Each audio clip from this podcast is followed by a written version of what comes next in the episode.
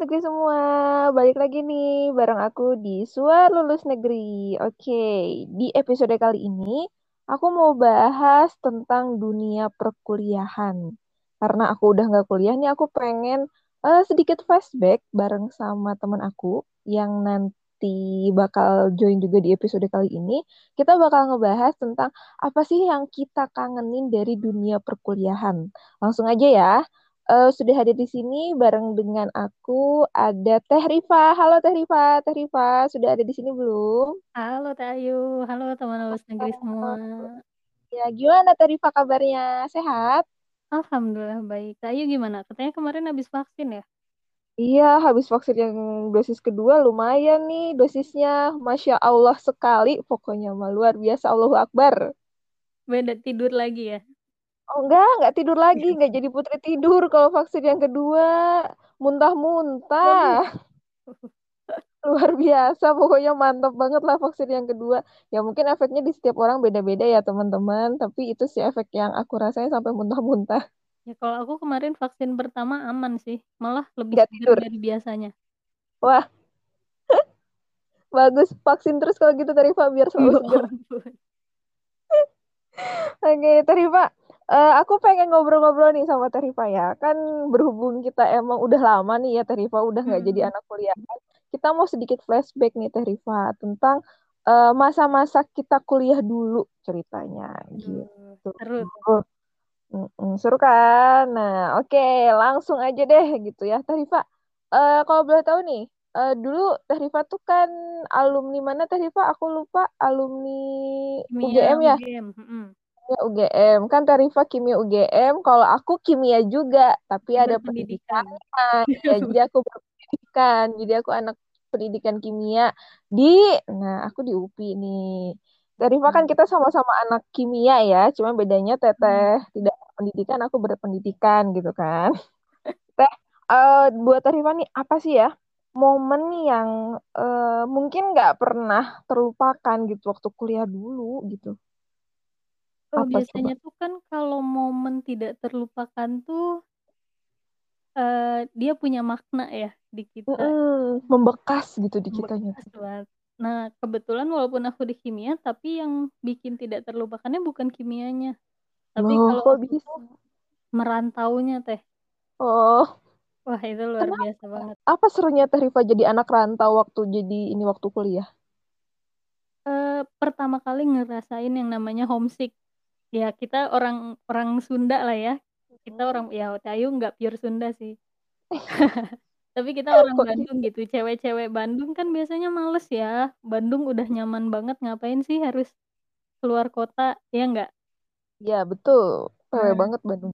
kebetulan rezekinya tuh dapetnya di UGM gitu dan itu awalnya juga emang ragu ih masa sih keluar Bandung gitu akhirnya ya karena emang pengen banget masuk UGM gitu PTN ya udahlah dibablas aja nggak taunya homesick banget itu gila homesick Pengen banget pulang gitu ya. Aduh jauh dari rumah. Hmm, Nah, sayangnya kalau aku sih nggak gitu ya, karena kan aku rumah di Bandung, kuliah di Bandung, nggak jadi ya aku sih gitu ya nggak nggak ngekos. Paling kalau aku sih ya, eh, kalau tadi kan buat Teh Rifa yang ngangenin itu dari ini ya, pengalaman ngerantaunya itu ya ketika kita homesick. Kalau aku beda Teh Rifa, karena aku tadi nggak ngerantau ya, Mm-mm. pengalaman naik angkotnya Teh Rifa. oh dulu Jadi belum naik motor belum, dulu tuh aku masih cupu. Jadi aku tuh SMA, S- SMP, SMA tuh cupu, anaknya naik angkot, nggak bisa naik motor. Jadi aku naik mot, eh, naik angkot dari, bayangin rumah aku tuh di daerah kisaran ini ya, kisaran Gasibuan ke sini. Sedangkan kampus aku tuh kan di UPI, UPI tuh ledeng gitu ya di atas gitu ya. Lumayan tuh di angkot aja bisa ngabisin waktu sampai satu jam kalau kena macet. Apalagi zaman dulu tuh kan Setiabudi tuh masih macet-macetnya ya kerjaan aku tuh kalau pergi kalau pagi-pagi tidur di angkot kalau pulang juga kalau udah dapet kuliah yang sore nih beresnya sore itu nyampe ke rumah juga kan malam tidur di angkot juga karena kena macet nah masa-masa itu sih kalau buat aku yang ngangenin dari Pak itu tapi di kelasnya tidur nggak enggak jarang sih Nah, kalau aku tuh padahal jarak dari asrama ke kampus atau dari kos ke kampus kan nggak jauh ya.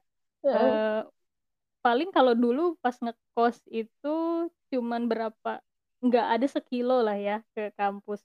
Tapi aku selalu tidur di kelas gitu, sering banget tidur di kelas. Aku bingung ya, kok bisa? Mungkin pelor kali Teh Rifa. Nggak tahu karena eh apa namanya sih? Aku kan emang kayak punya insom gitu loh Teh. Jadi emang Oh. malam tuh ketika eh zaman kuliah gitu ya, udah kebiasaan ngerjain tugas sampai tengah malam gitu kan.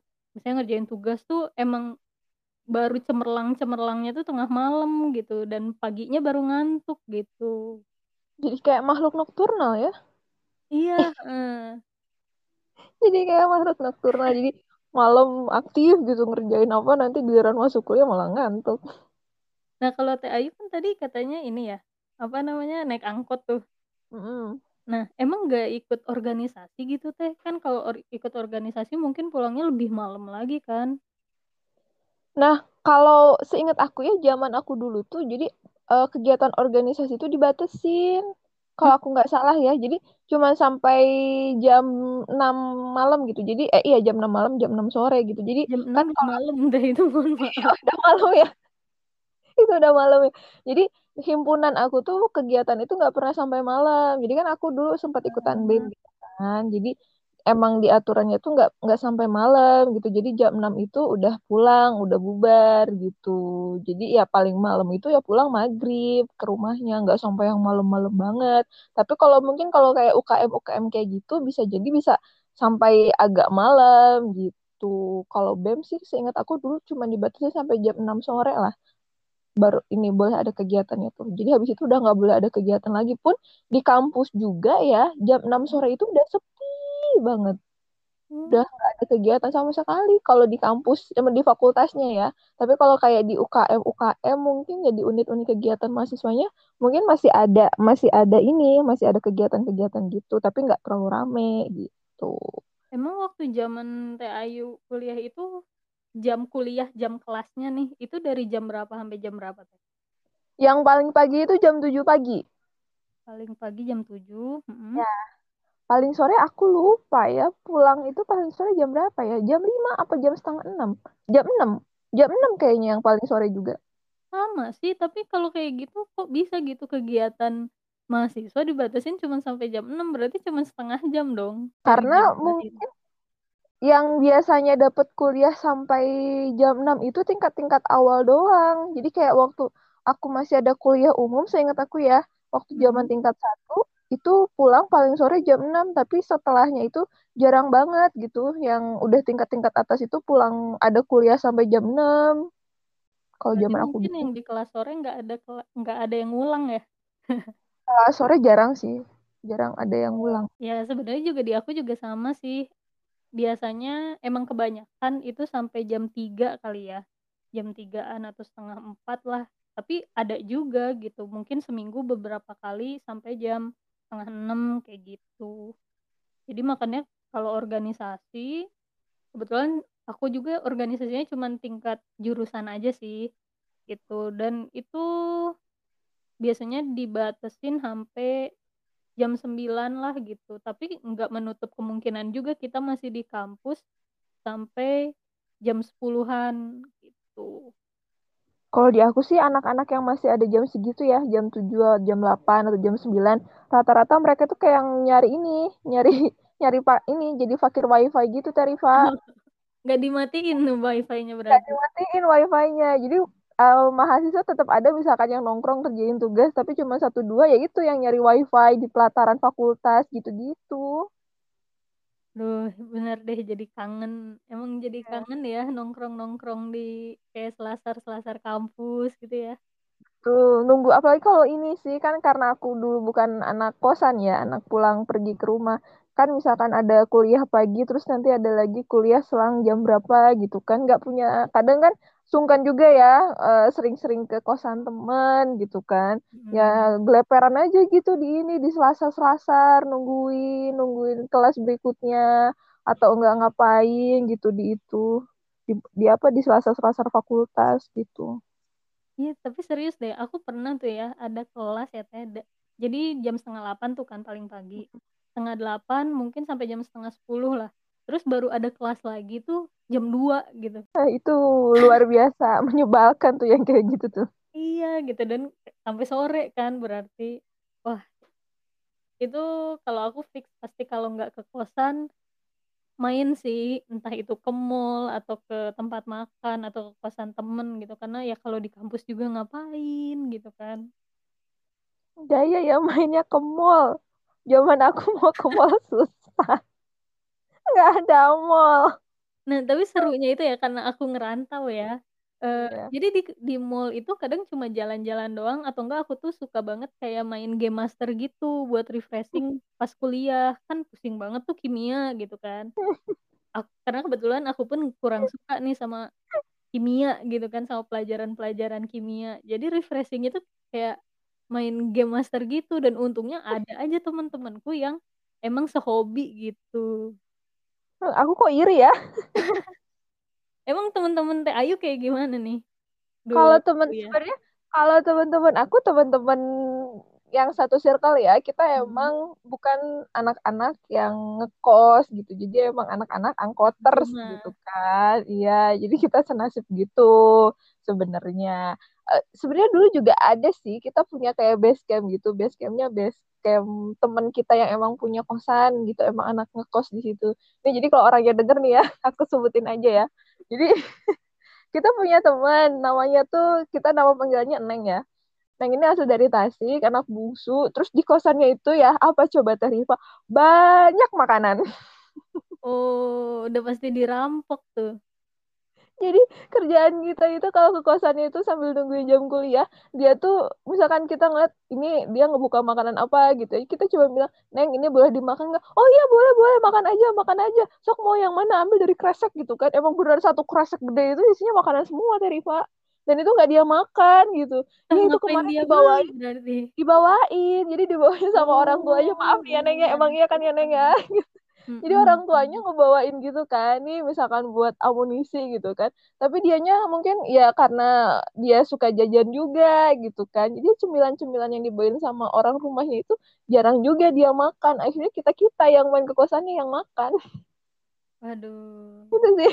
Aduh ini kalau Nengnya dengerin makasih loh Neng dulu sangat berjasa sekali buat kami para para anak-anak angkoters ini Oh, jajanan-jajanannya pasti yang jajanan tradisional gitu ya? Jajanan snack-snack pasar gitu ya? Gak juga snack-snack kayak kue-kue gitu kayak ciki kue gitu kayak ya coklat gitu-gitu buah kayak kadang tas tasik gitu kan biasanya dibawain opak kek, apa gitu. enggak jajanan-jajanan itu jajanan snack-snack makanan ciki-ciki gitu eh tapi emang nggak dia makan gitu jarang banget dia makan gitu kan jadi ya udah kadang kita minta buat kita aja ya boleh nggak iya boleh katanya gitu kan akhirnya kita makan kita buka buka aja mana yang kalian mau gitu kan jangan sungkan gitu jadi itu itu juga yang aku aku ini ya aku rinduin gitu main ke Iya, iya. kosannya Neng Iya banyak sih. makanan Dan kalau di dunia kos itu ya yang bikin aku ngerasa beruntung banget dapat kesempatan buat ngerantau, itu Mm-mm. tuh ada aja dramanya teh. Yaitu masalah makanan atau kadang kita biasanya kan nyetok nih anak-anak kos suka nyetok Mm-mm. makanan, naruh di kulkas. Kulkas kan punya bareng-bareng tuh biasanya. Aku bukan hilang kosan eksklusif ya. Jadi maksudnya kosnya tuh kulkasnya bareng-bareng dan itu hilang ada aja yang hilang gitu. Nggak ngerti gitu siapa yang makan gitu. mungkin yang makan amnesia. Oh kemarin aku kan nyimpen makanan di kulkas gitu Bisa kan jadi jadi lupa ada makanan. oke apa ya. gitu. Iya lupa makanannya apa. Oh makanannya ciki ya udah aku ambil aja gitu kan atau makanannya buah ya udah aku ambil aja gitu kan. Bisa jadi gitu. Iya jadi ya ampun itu kesel banget dan sering kali jadinya uang banyak keluar buat snack yang enggak kita makan gitu. Sedekah Iya.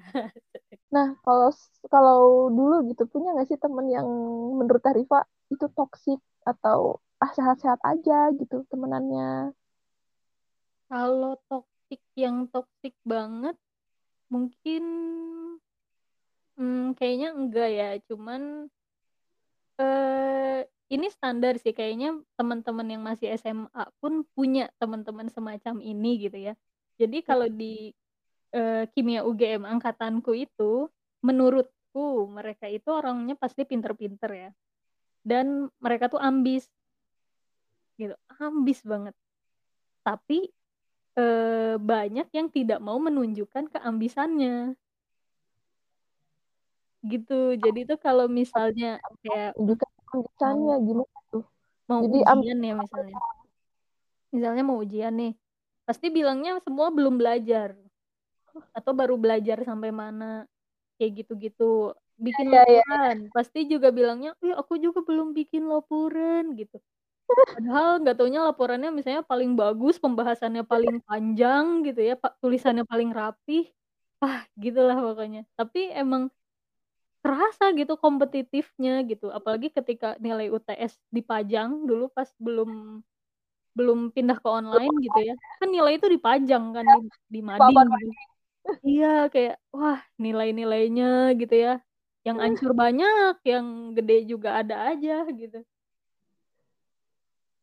Jadi ambisnya tuh ini ya, di silent ambis gitu mungkin ya. Mmm. mhm. Ngomongin laporan, laporannya tulis tangan juga nih? Iya dong. Oh, sama berarti ya. boleh diketik-ketik.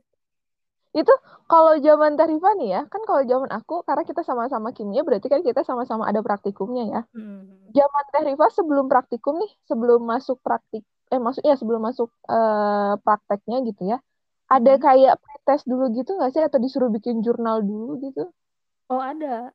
Ada, nanti Mhm. jurnalnya ditulis tangan juga? Tulis tangan juga. Tangannya ditulis tangan lagi? Iya, tulis tangan semua, nggak ada ketik-ketikan. Asik berarti, sama lah berarti kita ya. Iya, tapi kalau kalau aku sih, aku pribadi nggak merasa itu momen terberat saat kuliah ya, karena aku SMK kimia juga sebelumnya, Teh. Oh, Jadi udah udah terbiasa, biasa bikin jurnal iya. dan laporan untuk praktikum gitu, jadi udah biasa tertekan gitu. Nah, kalau Teh Ayu kesulitan nggak? Soalnya banyak temen-temenku yang katanya sulit banget justru bagian bikin laporan praktikum tuh, ya lumayan memakan waktu kan soalnya. Iya, eee, itu mungkin salah satu yang ini ya, salah satu yang mungkin dibilang paling males ketika harus bikin laporan praktikum. Karena kan kalau laporan itu udah seri ini ya, seri lengkapnya gitu, dari awal sampai pembahasan, kesimpulan, sampai akhir gitu. Karena yang bikin yang bikin males banget bikin laporan itu ketika harus tulis tangan gitu, dan ketika semisal pas lagi praktikum nih, hasil yang kita dapetin tuh gagal. Itu Mmm. kenapa gitu kan, berarti harus Bingung dicari ngejelasinnya ya? iya betul, bingung ngejelasinnya, ini kenapa bisa kayak gini gitu kan, dan itu harus ditulis tangan, dan itu kadang kan jedanya mungkin cuman berapa hari gitu kan. Misalkan load kuliah lagi lagi banyak, tugas lagi banyak, itu harus aku inget banget lah, aku harus bikin laporan praktikum berapa banyak sampai tangan itu ini, tangan itu ada ada tapak gitu, iya. Tapak pulpen, karena beneran ditulis tangan. Dari yang awalnya tulisannya rapi, sampai yang tulisannya keriting, itu aku pernah tuh, kayak gitu. Oh, Tapi kalau yang itu biasa bagus tuh bagian kayak landasan teori itu masih bagus-bagus, Teh. Iya, karena Pembahasan nggak ada tekanan. udah udah nggak jelas. Bener banget. Itu kalau misalkan tingkat berapa tuh ya, yang ada praktikum kimianya itu ba bukan barengan, beberapa jenis gitu, ada kimia apa kimia apa kimia apa gitu. Dan ya laporannya kan berarti kan nggak beda jauh ya, si laporan praktikumnya. Itu lumayan gitu, bikin jari-jari tangan ini jadi keriting, itu nggak bisa dilupain banget lah. Untung sekarang bukan di bagian tukang bikin laporan, tulis ya, dan udah digital. Oh, iya Kalau sih, masih kalau harus bikin kerja lapor kita udah ngetik-ngetik banyaknya. Iya, aku lebih mendingan disuruh ngetik daripada disuruh nulis tangan kayak gitu. Iya bener banget, karena tulisanku juga buruk. Udah tulisannya bagus banget lagi kan, ini bangetnya pakai penekanan nih. Nah, kalau Teh Ayu sendiri, temen-temen Teh Ayu tuh gimana? Suportif banget nggak nih, khususnya buat belajar gitu, menuntut ilmu di kuliahnya? kalau temen-temen sih ya mungkin emang tipikal anak kuliah kayak gitu ya Teh Rifa ya, ada yang ambis-ambis banget gitu. Ya itu, ya ada kayak kelompoknya masing-masing gitu. Kalau kelompoknya aku ya gitu, kelompok anak-anak ya yang nyantai-nyantai aja gitu, bukan anak yang terlalu ambis gimana gitu. Kalau temen-temen aku sih gitu. Ini temen-temen aku yang ngedengerin yang ngerasa temen aku nih. Tapi itu Aduh. seru banget gitu ya, eee Wal apa ya, mungkin orang-orang kalau Teh Ayu setuju nggak nih, orang-orang kan banyak nih yang bilang masa-masa terindah tuh masa-masa SMA. Nah, Kalau disuruh Ya, ngebandingin Teh Ayu lebih suka masa kuliah atau masa SMA? Aku sih kalau ditanya itu aku lebih suka masa kuliah. Aduh, Ih, sama banget. Sama banget. aku lebih suka masa kuliah daripada masa SMA. Karena aku lebih enjoy sih. Ya, aku juga sih sama sih Teh. Walaupun sama-sama kimia gitu, SMK kimia, terus juga sama-sama empat tahun. Aku SMK kimia empat Oh tahun, iya, mau kimia empat tahun Tahu. gitu. Tapi aku rasanya lebih bisa menikmati hidup gitu ketika kuliah gitu. kuliah ya. Mm-mm. Struggle-nya strugglean kuliah lah ya. Tentu. Ya, struggle selalu dulu kuliah. Karena kan itu kayak penentu tahap akhir kita gitu loh. Ya dan kita dituntut untuk belajar mandiri. Nah, betul. Kalau? SMA kan masih kayak kita bisa disuapin gitu kan. Ada masih Hmm. bisa pakai mungkin rumus cepat gitu kan. Rumus rumusnya rumus, rumus puding gitu kan kadang gitu. Terus kalau zaman kuliah kan kita nggak punya rumus cepat. Apa rumus cepat? dasarnya Harus tahu apa. landasannya apa gitu Hmm. kan. Karena aku ingat banget tuh waktu belajar kimia sekolah gitu ya eh, dosen aku tuh sampai bilang kamu tuh nanti ya kalau misalkan jadi guru harus bisa ngajarin fundamentalnya kayak gitu. Jangan cuma Oh, ngajarin karena pendidikan apa ya, iya. karena pendidikan gitu. Jadi jangan sampai miskonsepsi dan kawan-kawannya kayak gitu kan. Zaman dulu waktu sekolah aku kan dulu nggak mikir sampai segitu yang penting kan rumus cepat gitu kan. Rumus puding jadi gitu. Sedangkan waktu zaman kuliah tuh enggak, fundamentalnya apa gitu, ininya gimana, kenapa bisa kayak gini. Kalau kamu nggak ngerti, gimana kamu mau ngejelasin ke siswa nanti gitu kan. Bisa Nggak bisa pakai rumus cepat kan. Gitu. Atau kita belajar kimia fisik mungkin ya, kita ngomongin turunan gitu kan nggak mungkin ya kita pakai rumus cepat. Iya, harus Iya, dari awal. dari awal beneran struggle banget lah. Itu mata kuliah yang paling aku nggak suka tuh. Aku kayaknya banyak yang nggak suka kalau kimia. Terus kenapa nyangkut di kimia? Udah nanggung, udah nanggung basah.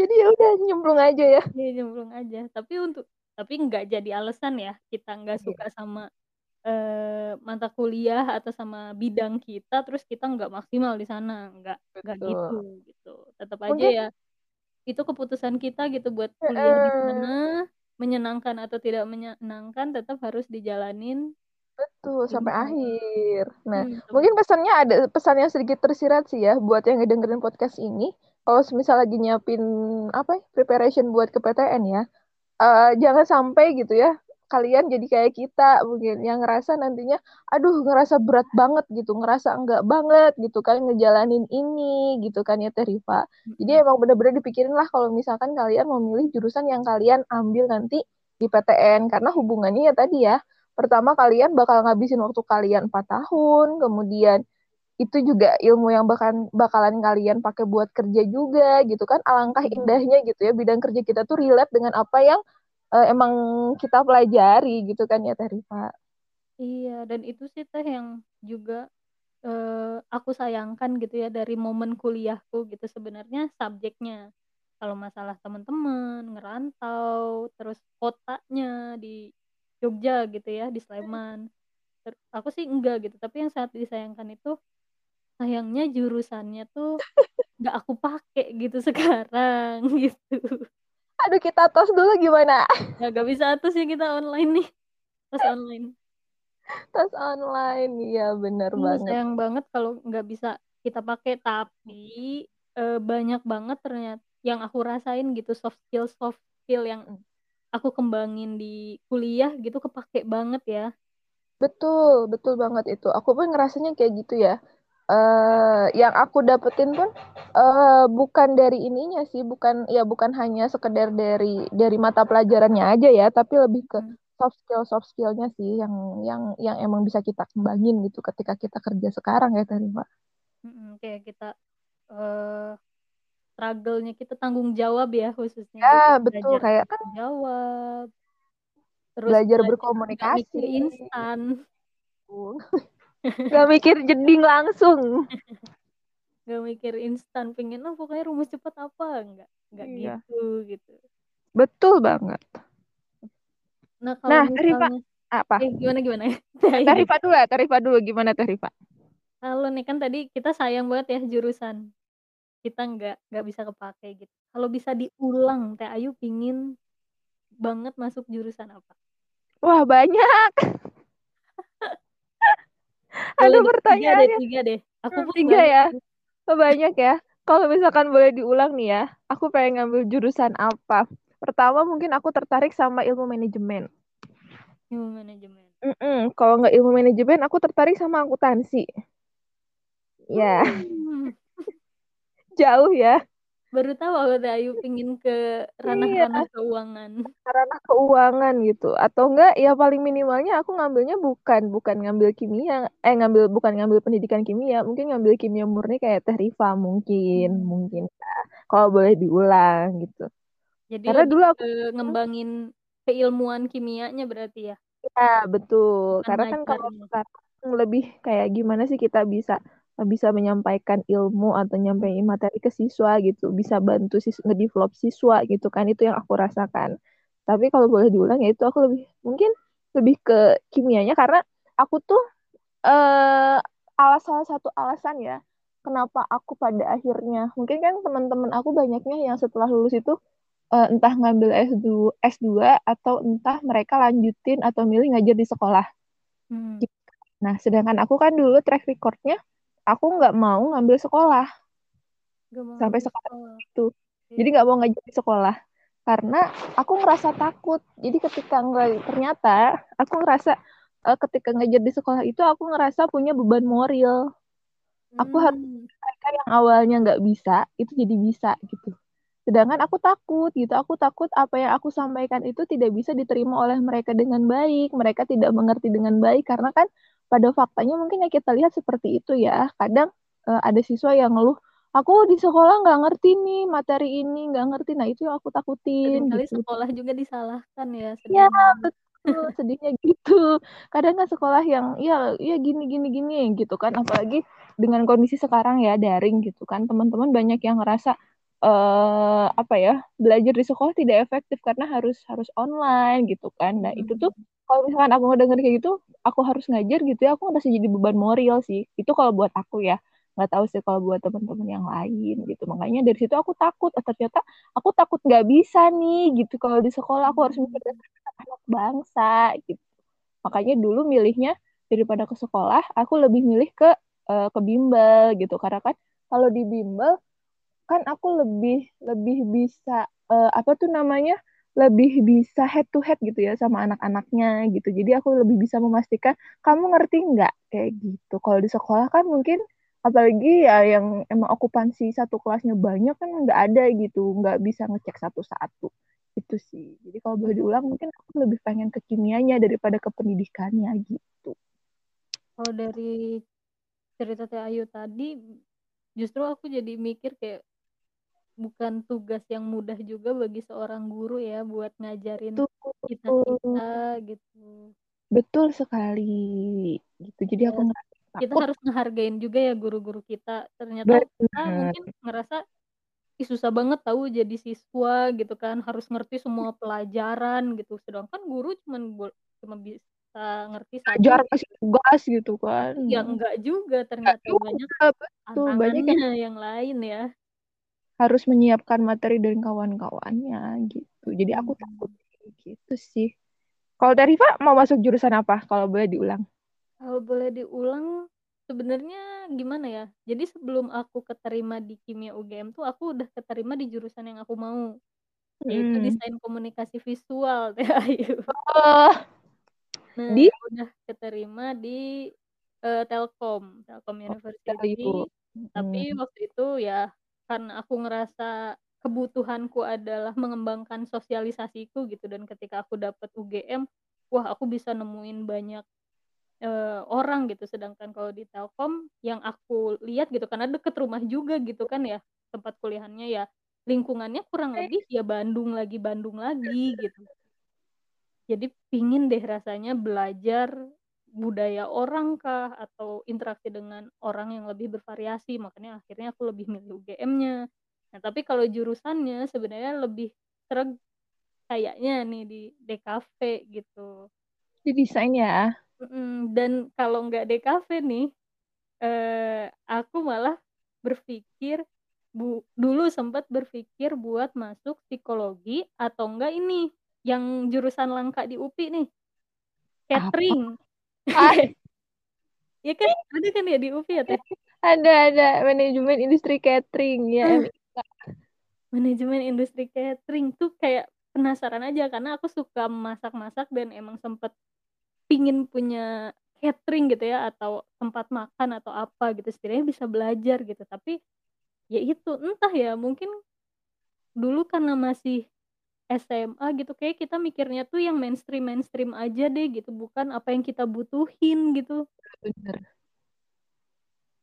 Apalagi zaman dulu mungkin informasinya juga masih cukup terbatas ya. Mm-mm. Nggak seluruh sekarang gitu. Itu sih yang aku rasain dulu. Pengen kuliah lagi nggak sih Terifa? eh pingin pingin banget Ayu pengen Enggak. Enggak. Kenapa? Aku udah nggak mau mikir. Oh, padahal Astagfirullah. kerjaan juga mikir loh. Mikirnya lebih Tapi ruwet beda. biasanya. Iya, kan beda. Iya, beban pikirannya beda. Aku tuh pingin banget kuliah lagi, walaupun mungkin ya eh, S2 itu eh, nggak akan kayak S1 gitu ya. Bak- pasti beda rasanya gitu. Cuman nggak tahu kenapa kayaknya tuh pingin, aku pingin ujian lagi gitu. Aku pingin belajar lagi, ngejar deadline eh, apa kuliahan kayak gitu tuh kayaknya pingin aja sih gitu. Ngerasa ke challenge gitu. Karena kalau kerja tuh literally kita yang eh, nentuin sendiri lah ya bisa dibilang. Nentuin sendiri kadang kerjaan kita mau gimana kreativitas kita bener-bener diuji gitu ketika kita kerja kalau kuliah kan kita lebih banyak diarahin nah kalau S2 kayaknya udah nggak gitu lagi deh makanya kayak ingin aja dapat ilmu tambahan lagi gitu Aku lebih nggak mau ujiannya sih. Boleh deh dapat harinya tapi nggak pakai ujian gitu. Karena buat aku tuh ujian tuh kayak checkpoint deh Ayu. Gitu. Jadi kayak kan kalau dulu kita kuliah oke belajar, lalu UTS itu checkpoint, terus UAS checkpoint lagi gitu kan. Terus ini Iya. kalau kerja tuh kayak nggak ada ujungnya. Kerja checkpointnya di mana tuh? Masih apa ya bayang-bayang ya nggak sih? Dan aku tipe orang yang perlu checkpoint itu tuh biar kayak tahu kapan aku bisa nge-reward kapan enggak kalau sekarang endingnya tiap hari nge-reward diri. Biar nggak stres. Kayaknya setiap hari gara-gara sering reward diri. Iya. Itu aduh, luar biasa banget ya. bener-bener kayak seminggu nggak tidur dan untungnya bisa gitu akhirnya kekejar Revisiannya habis itu banyak ya? revisian setelah sidang sih lumayan ya tapi nggak terlalu banyak sih cuman revisian eh ya itu seminggu itu revisi terus gitu dan untungnya dosenku tuh mau aku temuin terus Hmm. gitu Itu ceritanya hampir mirip sih kayak kejadian aku dulu. iya Sebe- Sebenarnya aku lupa deh dulu tuh seminggu apa apa dua minggu dua minggu sebelum gitu. Jadi kalau aku dulu tuh eh sebenarnya kalau yang on time itu sidang di bulan Juli apa Juni gitu kan. Cuman kalau misalkan mau wisuda di tahun itu juga, jadi kan aku tuh lulus tahun 2000 2000 berapa ya? 2014 ya kalau nggak salah. Jadi kalau mau wisuda udah lama ya.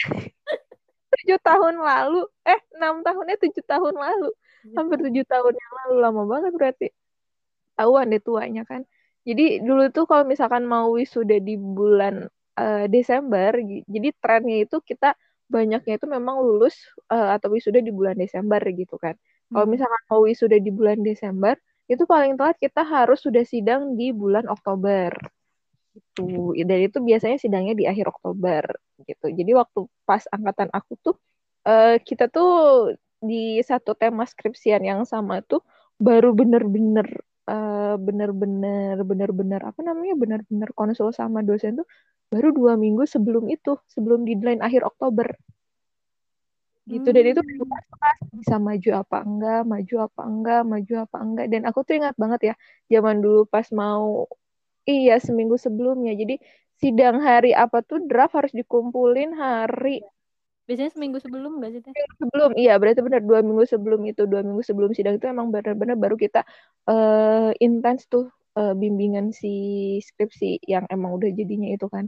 Emang bener-bener digeder dan itu banyak banget revisian sampai aku sama temen aku tuh kita bawa printer ke kampus karena di hari terakhir kita di dan buat kumpulin skripsi itu kita belum dapat aksesnya buat uh, buat ngumpulin draft. Hmm. Jadi sehari sebelumnya kita belum dapat aksesnya masih harus direvisi, sedangkan deadline pengumpulannya tuh besok. Hmm. hmm, hmm. Gitu, mantep nggak tuh? Jadi aku sama teman aku kita bawa uh, bawa printer tuh ke kampus, terus setelah di ACC buat buat apa? Buat buat ini ya, buat oke okay, boleh draftnya dikumpulin gitu ya. Itu langsung kita ngeprint karena kan kita anak rumahan ya. Oh, enaknya anak rumahan. ya, anak bukan enak kan kebayang kalau misalkan tiba-tiba di ACC terus printer di rumah masa kita harus ngeprint di fotokopian kan ngeprint di fotokopian mahal iya sih gak mau rugi. Kalau aku sih pasti di fotokopian. Sayangnya di kampus. Nggak tahu sih ya di kampusku tuh nggak ada fotokopian. Eh bukan fotokopian apa? Tempat printer ya. Maksudnya printer khusus anak-anak kampus gitu yang gratis kayak gitu. Di nggak sama. kayak gitu. Bener nih. Jadi aku itu inget banget lah aku sama teman aku yang emang kita satu judul tapi kita barengan kita ngeprint tuh sampai sore banget ngumpulin draft sampai yang bener-bener akhir akhir banget. Kita ngumpulin struggle banget tuh. Dan uh, ketika kita sidang pun kan kayaknya sidang itu kayak ada kuota maksimalnya gitu kan dalam yeah. satu harinya. Dan pas angkatan kita tuh membludak banget nih ikutan sidang itu. Yang misalkan biasanya ikutan yang ya apa ya okupansinya mungkin bisa bisa sampai 45 orang gitu satu kali sidangnya untuk satu hari di angkatan aku tuh itu overload banget gitu sampai masih pas aku juga sih. Hmm, ad, jadi uh, ketika jadi di akhir bulan banget aku ingat banget sidang itu di akhir bulan banget teman-teman yang lain sudah dinyatakan lulus jadi aku tuh kebagian sidang di hari Senin. Jadi mereka sidang hari Jumat, mereka hmm. udah dinyatakan lolos, kita tuh baru sidang di hari Senin. Jadi hmm. gelombang kedua dan itu cuma bertiga.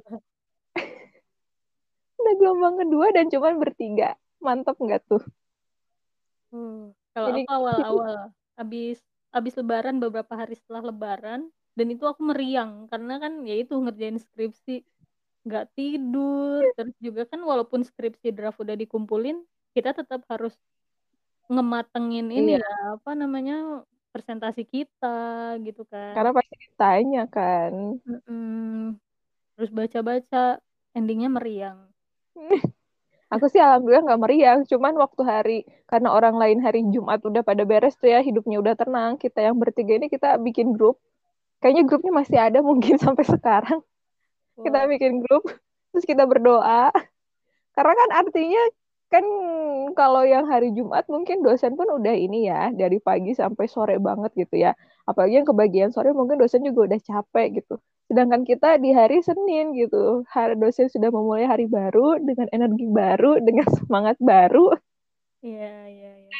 Kita bertiga ini ya lebih ke yang berdua yang berdua sih aku sama temen aku. Kita emang satu ini satu apa ya satu. Jadi sebenarnya kita bertiga tuh satu tema semuanya.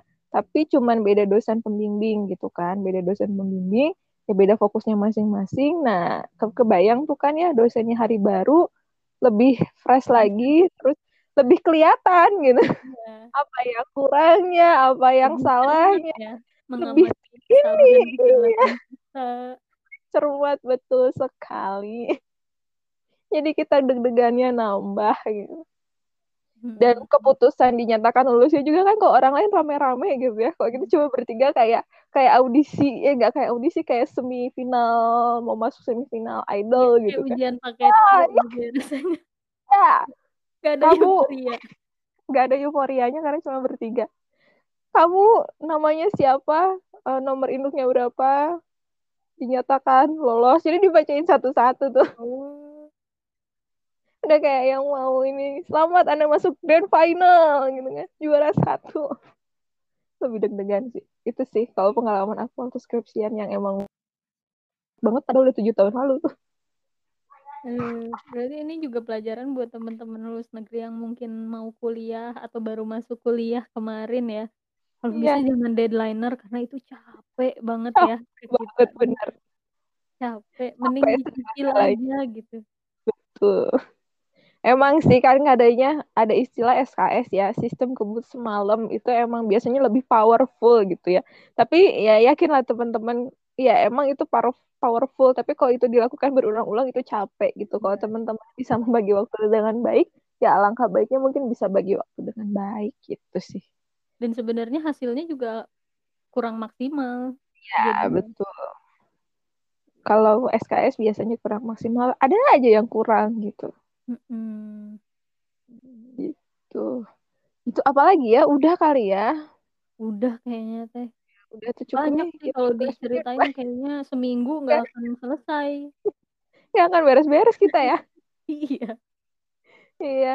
Ya paling mungkin ya beberapa hikmah yang bisa kita ambil tadi ya jangan suka uh, jadi deadlineer ya atau menulis negeri. Kemudian tadi uh, pilih jurusan yang memang uh, apa ya teman-teman minati, teman-teman sukai gitu. Jangan sampai nanti kayak kita-kita ya. Ya di dan prospeknya juga gitu ya. Kita mau jadi Betul. apa sih emangnya gitu.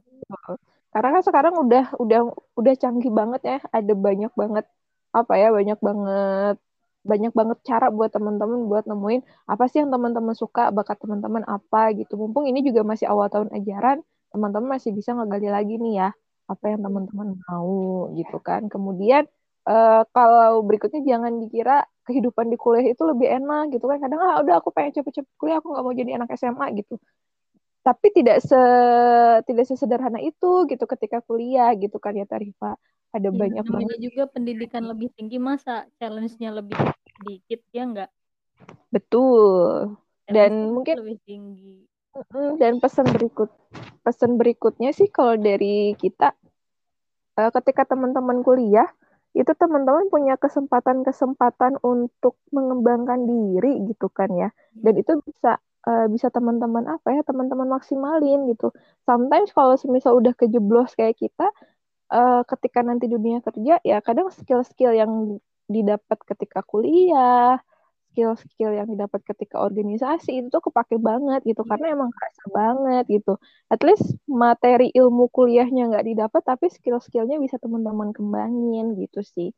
Gitu. Paling kalau dari aku, kalau dari Tarifa ada tambahan nggak pesan-pesannya mungkin buat teman-teman lulus negeri yang dengerin podcast kita hari ini? Iya, uh, malah skill itu lebih kepake 80% lah ya kepake dari kuliah tuh di lingkungan kerja tuh itu. Karena kalau materi kita masih bisa buat pelajarin lagi gitu. Sedangkan kalau skill kan lebih susah ya buat kita hmm. jadi ahli atau bagus di bidang itu gitu. Misalnya di public hmm, speaking lah di apa nih sih problem solve solving kayak gitu-gitu itu emang perlu dilatih gitu. Terus juga ini sih paling cari lingkungan pertemanan atau lingkungan perkuliahan yang juga suportif gitu ke kita. Hindari teman-teman toksik mungkin yeah. kalau ada gitu ya. Yang kerjaannya ngeluh terus gitu kayaknya hindarin deh gitu. Cari teman-teman yang emang punya tanda kutip ambisi yang positif gitu di perkuliahan. Kayak gitu bener sih. bener banget itu. Sudah lumayan panjang juga nih obrolan kita. Nanti yang ngedengerin juga bosen ya Oke. Mungkin teman-teman lulus negeri bisa request mau topik apa ya? Ke boleh, boleh. Nanti DM aja ke ini kita. ke admin IG kita atau admin Twitter kita gitu. Nanti teman-teman request pengen ngebahas ini gitu. Nanti kita coba kita coba ini deh, kita coba angkat temanya gitu mungkin ya. Oke, kalau gitu terima kasih Tarifa udah mau berbagi kisah dengan aku hari ini flashback tentang dunia kuliahnya. Next time kita ngobrol-ngobrol lagi dengan tema yang lain dan jauh lebih menarik ya Tarifa ya. Pasti dong. Oke, terima kasih juga buat teman lulus negeri yang udah dengerin podcast kita hari ini. Sampai ketemu lagi ya di, di episode kita berikutnya. See you teman lulus negeri. Dadah, bye. Dadah,